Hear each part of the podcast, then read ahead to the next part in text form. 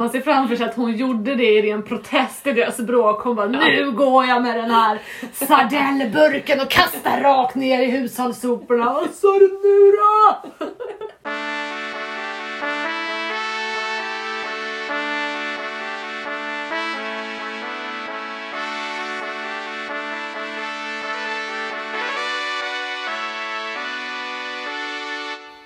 Hej och välkommen till eh, det här avsnittet av Klimatkänslor. Ja. Eh, idag ska vi snacka om ilska Mm. kopplat till miljön. Varför är känslor bra för klimatet? Jo, känslor är ju ett komplement till information som motiverar oss att göra saker. Alltså om man inte känner något när man märker att det står en yxmördare utanför ens dörr och ringer på så kommer man bara konstatera så här. Jaha, det här var intressant. Och sen kommer man, sen går man liksom in och kop- kokar en kopp kaffe typ, till sig själv. Alltså, det skulle inte hända någonting. Det här gäller ju alla känslor, även de känslorna som man kanske egentligen önskar att man kunde ha lite mindre av, som typ ilska, skam eller rädsla. Alla känslor har en funktion och egentligen en massa olika funktioner. En känsla, eller känslor kan hålla ihop grupper, ge njutning och så vidare. Men vi behöver känna någonting för att bli motiverade. Annars skulle vi vara som robotar som bara noterade information och ja, inte kom någon vart. Så. Och det är ju att känslor också är avgörande för om vi ska komma någon vart i hållbarhetskampen. Mm. Så jag önskar på något sätt att ingen ska skämmas för sina klimatkänslor.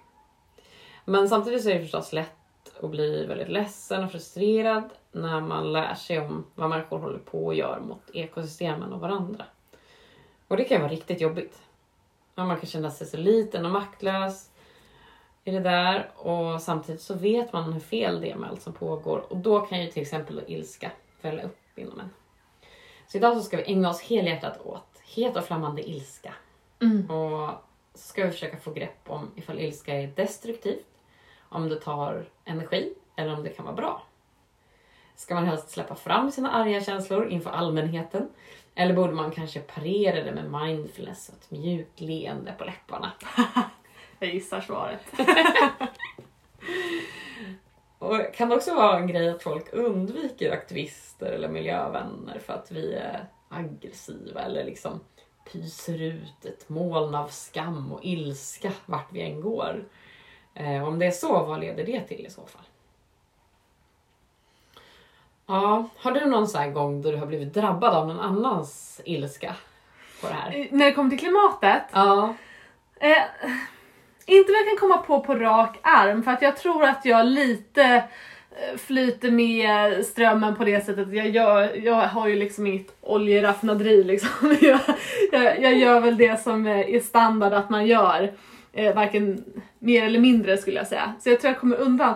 Eh, men men jag får direkt en bild i huvudet när du säger sådär, att, det är, att man kanske stöter bort folk. Jag ser framför mig en bild av arga aktivister som står nästan så här och fräser eh, mot några som har gjort fel. Och då kan man ju också, om man ser den bilden framför sig så kan man ju också känna att eh, man kanske förstår att de inte bara Hallå hallå, kan jag få kanske hänga med er lite?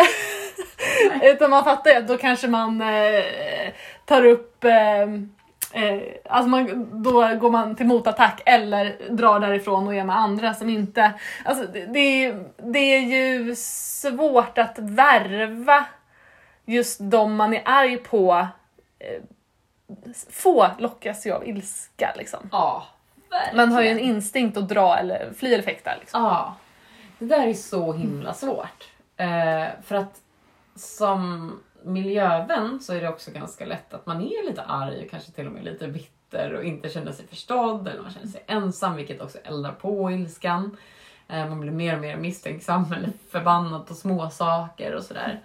Ehm, och det där tror jag också har att göra med att man inte har sina behov riktigt uppfyllda. Alltså man kanske har ett behov av en stark gemenskap, en känsla av att ha makt att påverka och sådär. Och när det inte är uppfyllt, då blir man mer och mer irriterad på små grejer. Mm.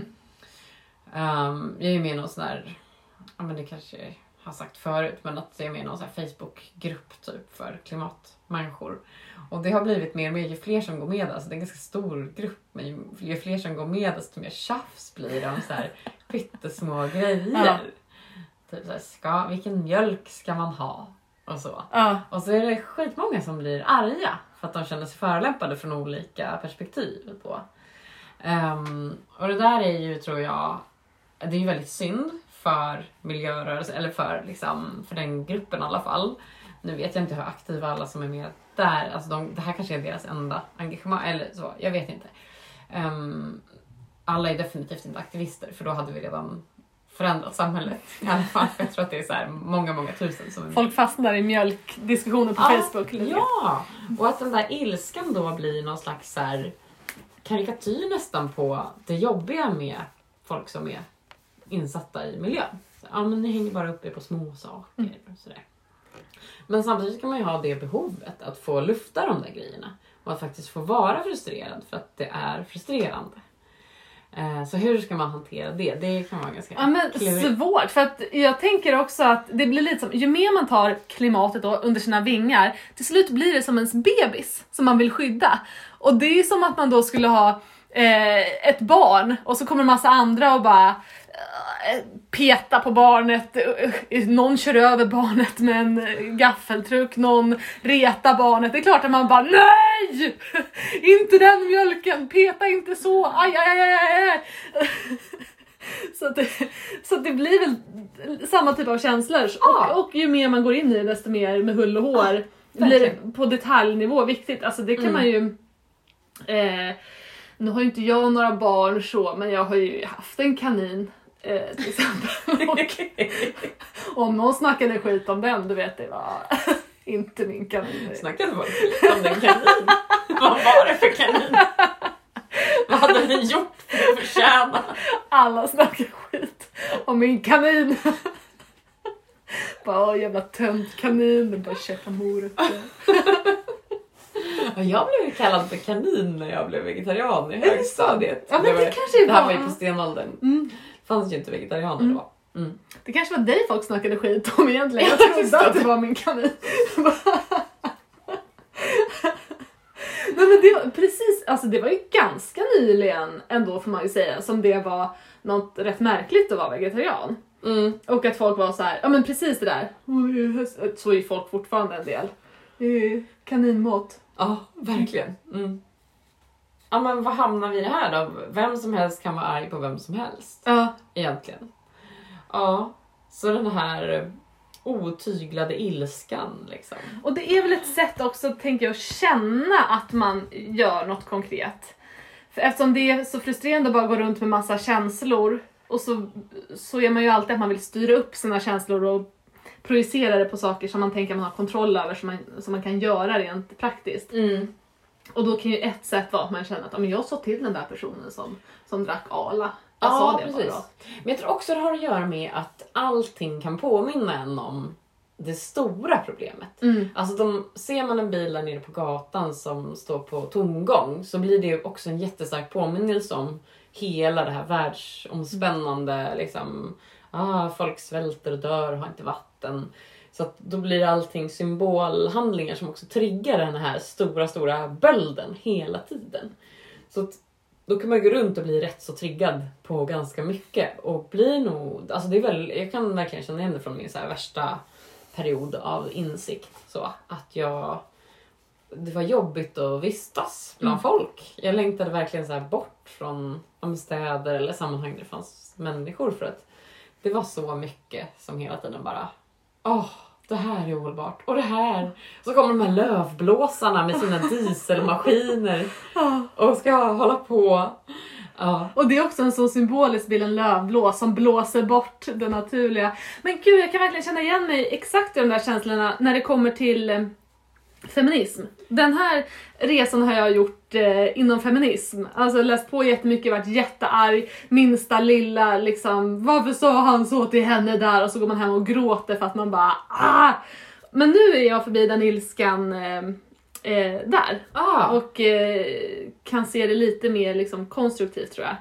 Så jag känner igen, jag, jag har faktiskt gjort den här resan kommer jag Ja. på. Fast det är Ja, men- ett annat ämne. Mm. Mm, ja men det har jag också. Och jag har också varit arg liksom ibland på män på ett Mm. sätt som verkligen inte har gjort saken bättre. Nej men precis, och, och haft det här beteendet att gått och påpekat eh, där det egentligen inte fanns någon dålig intention bakom. Mm. Eh, och det är såklart att man inte att folk inte riktigt lyssnar när man bara är anklagande på småsaker. Och dessutom såhär, du är problemet för att du sa det här nu. Just det, och det där är ju, handlar om minoritetsstress. Att man har varit utsatt så himla många gånger för Mm. någonting. Så att man till slut blir ja, men, nästan, men det är ju inte överkänslig, jag gillar inte riktigt det ordet, men ändå hyperuppmärksam. Det krävs ganska lite för att knäcka någon. Men det är ju som om man tänker sig på någonting som man har blivit retad för någon gång. Typ så här att eh, jag har stor näsa. Mm. Då är det jättekänsligt. Även om det var 25 år sedan och jag gick i lågstadiet och folk kallar mig det här liksom hela tiden. Så är det så här, säger någon det igen nu, då blir det fortfarande den här känslan som aktiveras. Så det tror jag ändå de flesta kan relatera till även om man inte har tillhört någon minoritet själv. Så att så här, Ja. oh, det här när man är helt så här skadad på någonting och det är inte så himla lätt att läka det heller. Så. Handlar det lite också om att man vill ta sitt förflutna i försvar? Att man kanske kände att så här, jag, blev så, jag stod inte upp, eh, så här, där blev jag överkörd. Så lite i efterhand så går man in och tar den fighten som man önskar att man hade tagit då. Kanske, jag vet inte. Men det kan ju också vara så att man bara, nej nu händer det här igen. Jag orkar inte mer.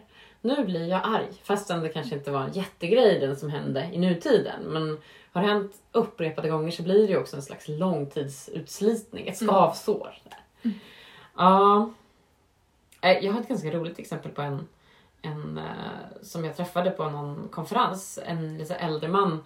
Han berättade att han hade skilt sig från sin fru för att hon var så dålig på att sopsortera. Han blev så himla arg på henne. Ja. Han bara, men du kan väl bara skärpa dig? Du, du, liksom, du måste bara lära dig det här. Typ. Kan du inte ens det så har vi ingenting gemensamt. Så till slut hade de skilt sig. Kanske fanns andra problem i den relationen också. Får ju hoppas det. Ja. Allt var perfekt men så var det det här sopsorteringen. Men var han, var han nöjd med det också efterhand när du träffade honom? Eller hade han... Ja, det kändes som att han var nöjd. Ja, ja. Men jag kan ändå fatta det på något sätt för att det är så här, det handlar ju om värderingar. Alltså när man går tillbaka, sopsortering, det kan ju verka som en skitsak men det kanske handlar om en så här, för honom var det väldigt viktigt med hållbarhet och miljö och eh, då är det ju så här att typ inte ens palla och sopsortera. Mm.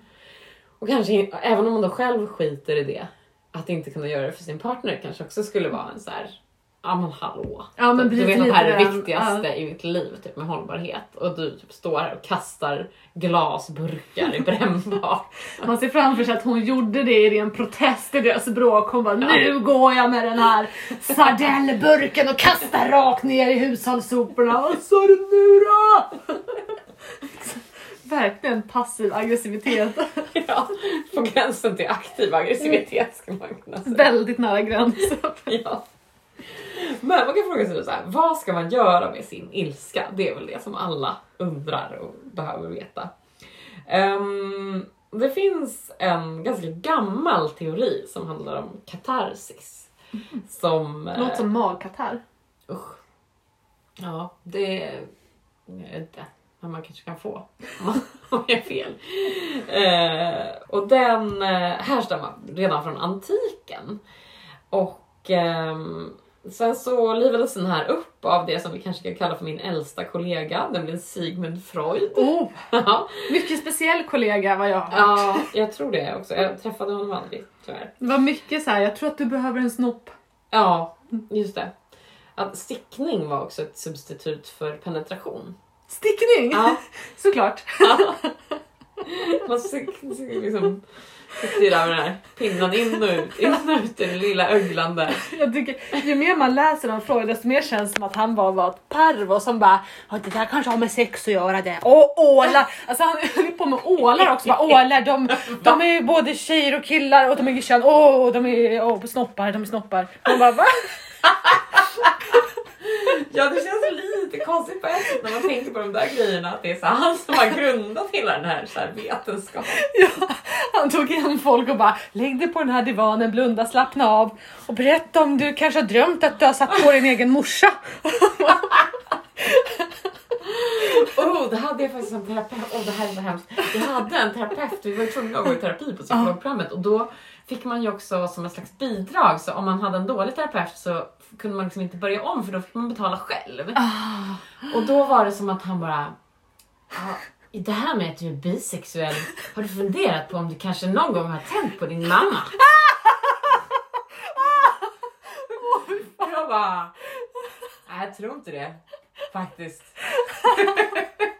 Och då var det ju så, när, när en sån där jävla terapeut säger så, bara hör man liksom hans tankar där, förnekelse. Ja, Det spelar liksom ingen roll vad man säger. nej.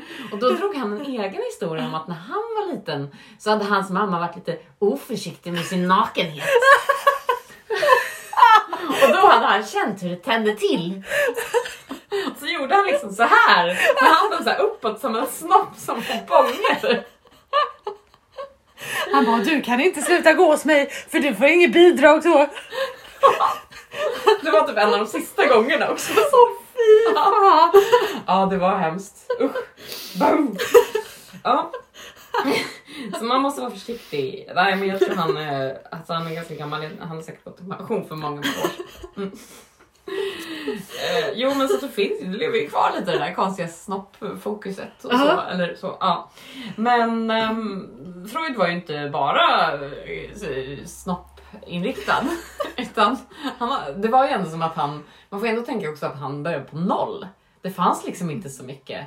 Det fanns ju så här, självklart massa så här, kloka gummor och gubbar som man hade kunnat gå till om man hade haft bekymmer och Eh, healers och schamaner, alltså all den typen av eh, liksom, präster, allt möjligt. Men eh, det fanns ju inte psykologer alls, utan man var ju tvungen att börja någonstans och göra alla de här misstagen och sen kan man ju garva åt det i efterhand ganska mycket, vilket ju är väldigt roligt. också. Ehm, men han tänkte då lite så här att människor funkade som tryckkokare så att om man behöll ilskan inom sig så skulle det liksom börja koka inom en tills man exploderade Kanske antingen då i blint raseri, Mm. så, så att det blev ohanterligt. Men det skulle också kunna vara att man kunde utveckla andra sjukdomar istället. Och då är väl det man kallar för passiv aggressivitet kanske. Alltså så här fysiska sjukdomar typ. Ja, Om man är för arg man- så får man... Man släpper aldrig ut sina känslor och då får man liksom ont i benet. Mhm. Eller något. Eller axlarna kanske för att man går och spänner sig så mycket. Ja. Eller Någonting sånt. Eh, ja, ja, men det, det finns ju mycket med det där. Men då var det i alla fall några forskare på, det var ganska tidigt faktiskt, redan på så här, ja, jag kommer inte riktigt ihåg när den här studien gjordes. Det får vi kanske kolla upp. Ja, så var det några forskare som började kolla på om det här verkligen stämmer. Så då skrapade de ihop en massa psykologstudenter, för det är alltid de man forskar på, vilket är ett stort problem i sig. Då blir det han som bara jag tände på min mamma. när han var liten. Då var han med i den här studien. Exakt. Och sen bekräftar det det är teorin som jag, fan, jag börjar se ett mönster här. Åh nej. Ja, då fick de göra ett experiment. Och då fick de först skriva en uppsats om ett provocerande ämne som de själv fick välja sida i. Och sen så fick de världens sågning gällande precis allt i den här uppsatsen. Och minuspoäng i betyg. Man kunde få liksom på en skala från typ minus 10 till plus 10 och då fick de alla fick minus 8 eller så här jättedåliga poäng. Ehm, och då sa man att den som har gjort det här omdömet är en annan student som också är med i experimentet. Och då hade den här studenten skrivit det var den sämsta uppsats jag någonsin läst. På, så att man fick liksom tillbaka sitt papper då. Med, det här var ju på den tiden då man hade skrivit på papper ändå. Mm. eh, och, och sen så den här som hade blivit så här, för då finns det liksom, det här är ett väldigt effektivt sätt att göra folk arga då tydligen. Eh, Det kan jag absolut tänka mig. Liksom, Det vetenskapliga sättet. Mm. Och sen tog man den här arga studenten och gav dem ett foto på den här taskiga medmänniskan som hade sågat dem. Och ett par boxhandskar och en 70 kilo tung, obs 70 kilo angivet liksom precis här i boxningssäck då. Ehm, och så lämnade man dem ensamma med säcken ett tag. och kollade vad de gjorde. Men till en del så uppmanade man dem att fokusera på hur elak den här andra personen hade varit. Men till några andra, en annan del av gruppen då, så sa man istället att de skulle fokusera på att bli vältränade som möjligt. Alltså så vältränade som möjligt när de boxade på den här säcken då. Och sen så fanns en kontrollgrupp som inte fick slå på någon säck utan de fick bara sitta helt tysta så här. I två minuter. Och efter allt det här så mätte man hur arga de var. Så om den här teorin om tryckkokaren stämmer så borde det ju då de som har fått slå ur sig ilskan vara minst arga och de som har bara suttit tysta var mest arga. Men så var det inte. Utan de som var mest arga efteråt det var de som hade slagit på säcken och samtidigt tänkt på den andra jäveln som hade förolämpat deras Mhm. uppsats och typ tittat på det här fotot. Och det visade sig att det lindrade att ehm, distrahera sig med andra tankar oavsett om man slog på säcken eller bara satt stilla. Så ju mindre man tänkte på hur jobbigt det här är dåligt det hade varit, desto lugnare var man egentligen efter en liten stund. Och vad betyder det här då? då? Kanske inte jättemycket eftersom det bara var ett experiment. Ehm, Bra slutsats ändå. Ja. Men det verkar nog ändå finnas en del som tyder på att aggressivt beteende föder mer ilska.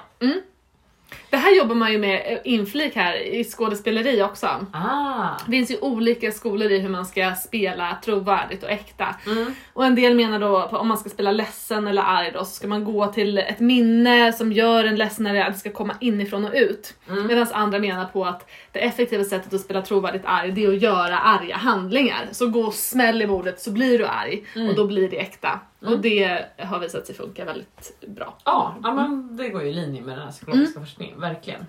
Så att ju mer man ältar, desto argare blir man. Ju mer man tänker på de här sakerna, desto argare blir man. Och sen har det också kommit tydligen en studie som visar att folk som har kort stubin oftare överskattar sin intelligens. Det, känns som att det är en slutsats som går rakt emot hur man uppfattas utifrån. Fan vad han av? Han måste vara skitsmart alltså. Han står och skriker så här. "Uah!" Nej, han har något i hjärnan alltså, det tror jag. Exakt. Men jag kan ändå förstå det. Alltså jag kan ändå förstå det för att för jag tänker också att gör man ett stort utspel så vill man ju gärna för att inte känna sig dum rättfärdiga eh, den känslan. Och Mm. då vill man ju tänka att men jag har goda belägg för det här, jag har tänkt mig fram till det här. Man vill hitta en intellektuell förklaring till varför man betedde sig som ett djur. Exakt, för man vill inte vara den här grottmänniskan. Nej, det vill man ju inte. Och det också tror jag har att göra med att man går runt och tänker att man är smartare än alla andra och därför har de förtjänat att få skäll. Så himla skön polare. Så det är nästan lite pinsamt.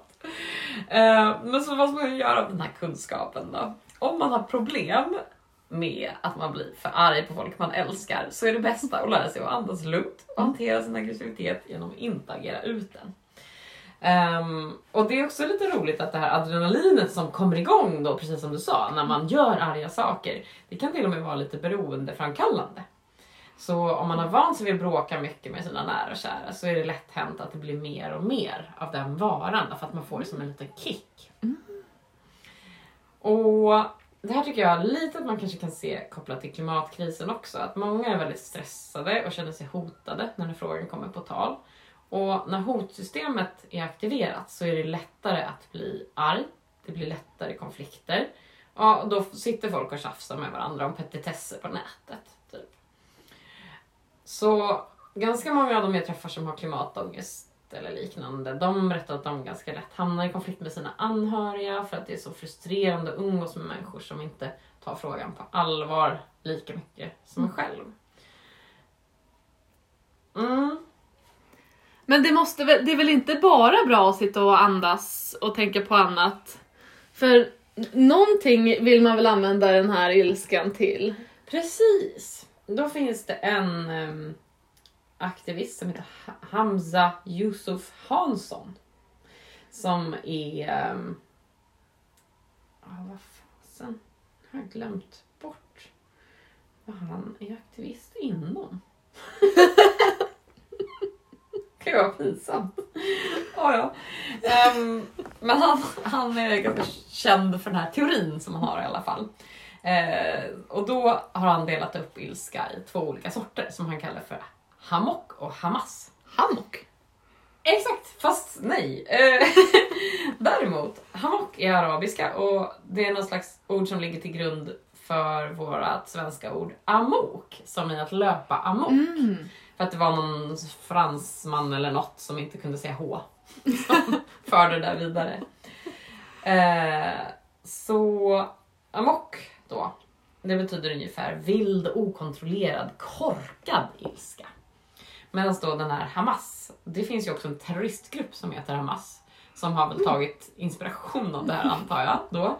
eh, Vilket känns lite osunt. Men ehm, jag gillar ändå uppdelningen, att bara kunna skilja på det. Det är nämligen med den här genomtänkta, entusiastiska och intelligenta ilskan. Så um, även om den här, alltså den mer intelligenta ilskan kan ju också vara jobbig för den som blir utsatt för den, så kommer de att förstå varför man är arg. Det, är liksom, det finns en mottagare som accepterar även om det är en obekväm sak som någon tar upp. Eh, och det är mer en politisk form av ilska som syftar till att skapa dialog. Det finns också amerikanska känsloforskare som skiljer på olika sorters ilska, till exempel personlig och moralisk ilska. Så personlig ilska det kan slå till om någon har varit taskig mot en själv, men moralisk ilska det är när någon har varit taskig på ett sätt som kanske mer går emot ens grundläggande värderingar och då behöver det inte vara att man själv är drabbad.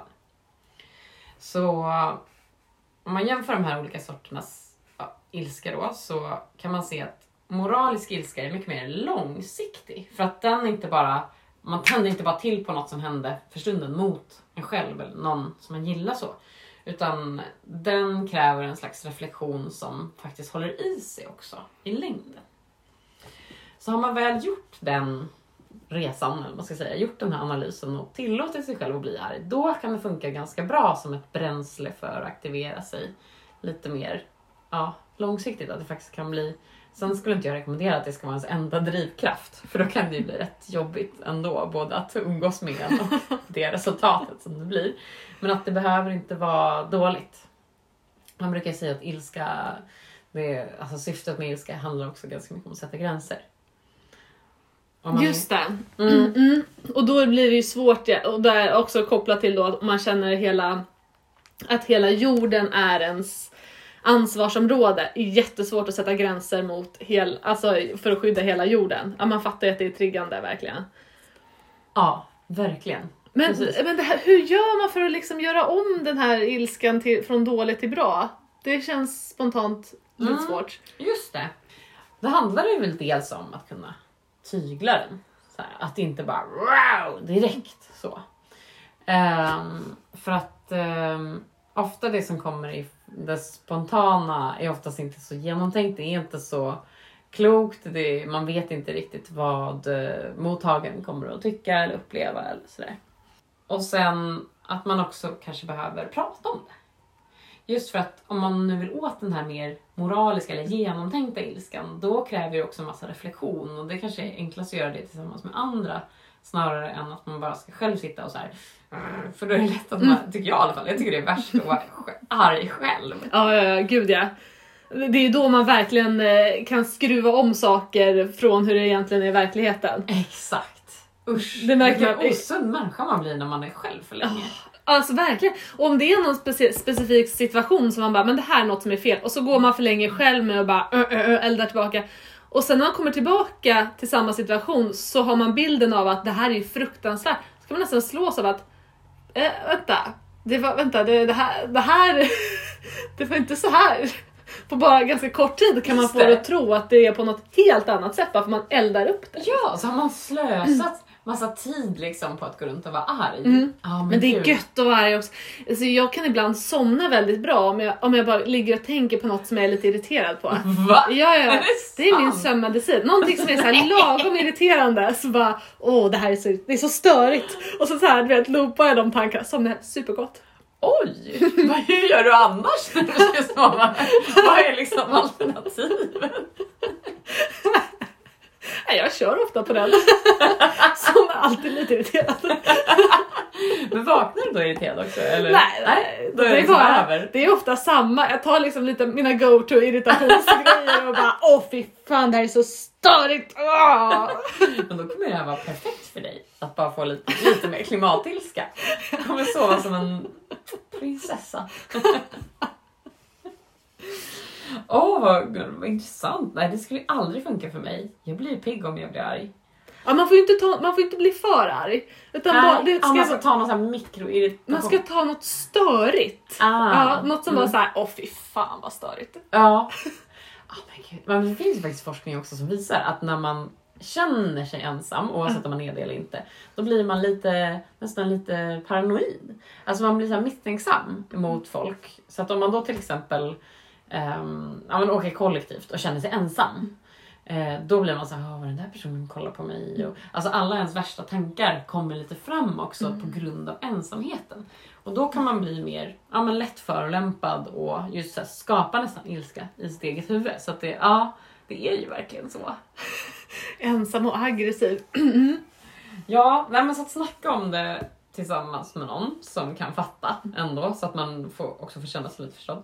Men sen eh, kan det vara ganska stabilt när man väl har kommit till den här lite mer moraliska ilskan. Men det är också så här att eh, det är viktigt att man lägger ansvaret på gruppnivå istället för att rikta den då mot varandra som individer kors och tvärs. Så att vi inte bara står och så här, eh, ja men tsunamin kommer och vi står typ och tjafsar om så här, Mm. ja vad det nu var. Mjölken. Mjölken, mjölken. Mm. så det är bättre att liksom också rikta sina anklagelser. Jag tror att det är faktiskt en träningssak. Att man får öva. Så här, istället för att bli förbannad på den här bilen som står på tomgång så ska jag bli arg på företag som gör att det blir så, eller som att vi subventionerar bensin så att det är så billigt så att någon faktiskt unnar sig att stå och göra så här.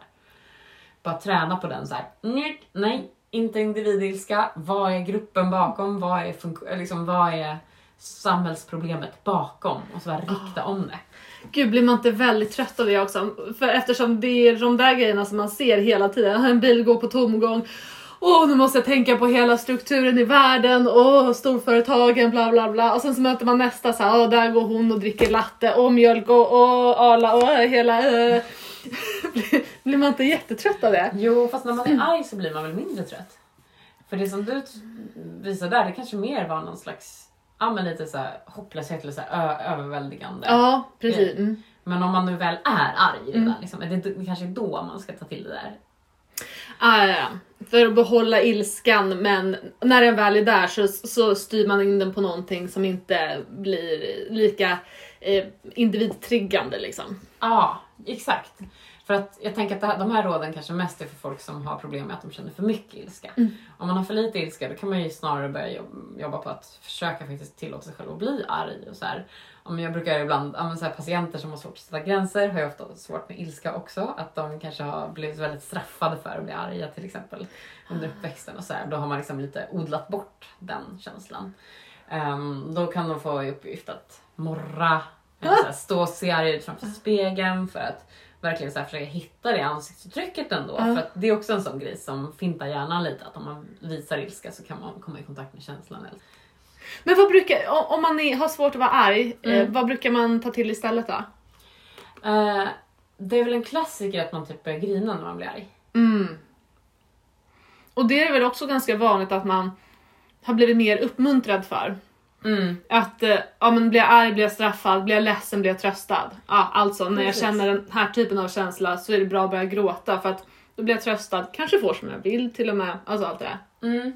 Precis. För det är svårt att vara, också vara arg på någon som börjar gråta. Mm. Så det är något som är så praktiskt att ta till i konflikter men det är extremt frustrerande för den andra personen som kanske var arg från början och så. Men det är ju direkt sätta sig kan man inte säga det att om man lite krasst bara ska generalisera. En frustrerad känsla som kanaliseras i ilska, då tar man till hög status. Mm. Frustrerad känsla som kanaliseras i gråt tar man till låg status. Och det som ligger i vår natur är ju också att vi, de flesta, det naturliga är att man inte vill ha för stort glapp mellan hög och låg status. Mhm. Ofta är det ju att, att eh, alltså det är ju alltid så att någon är lite den som leder, någon är lite den som följer, så kan det där skifta. Men blir det för stort glapp så brukar vi vilja kompensera och närma oss varandra för att det inte ska bli liksom, obekvämt. Om då någon är arg, alltså sätter sig på en jättehög status och någon eh, börjar gråta blir ju glappet skitstort och då blir det ju ofta att den som är arg får komma ner, eh, trösta, kanske gå, alltså, vara mer tillmötesgående mot den som är ledsen. Just det. Mm.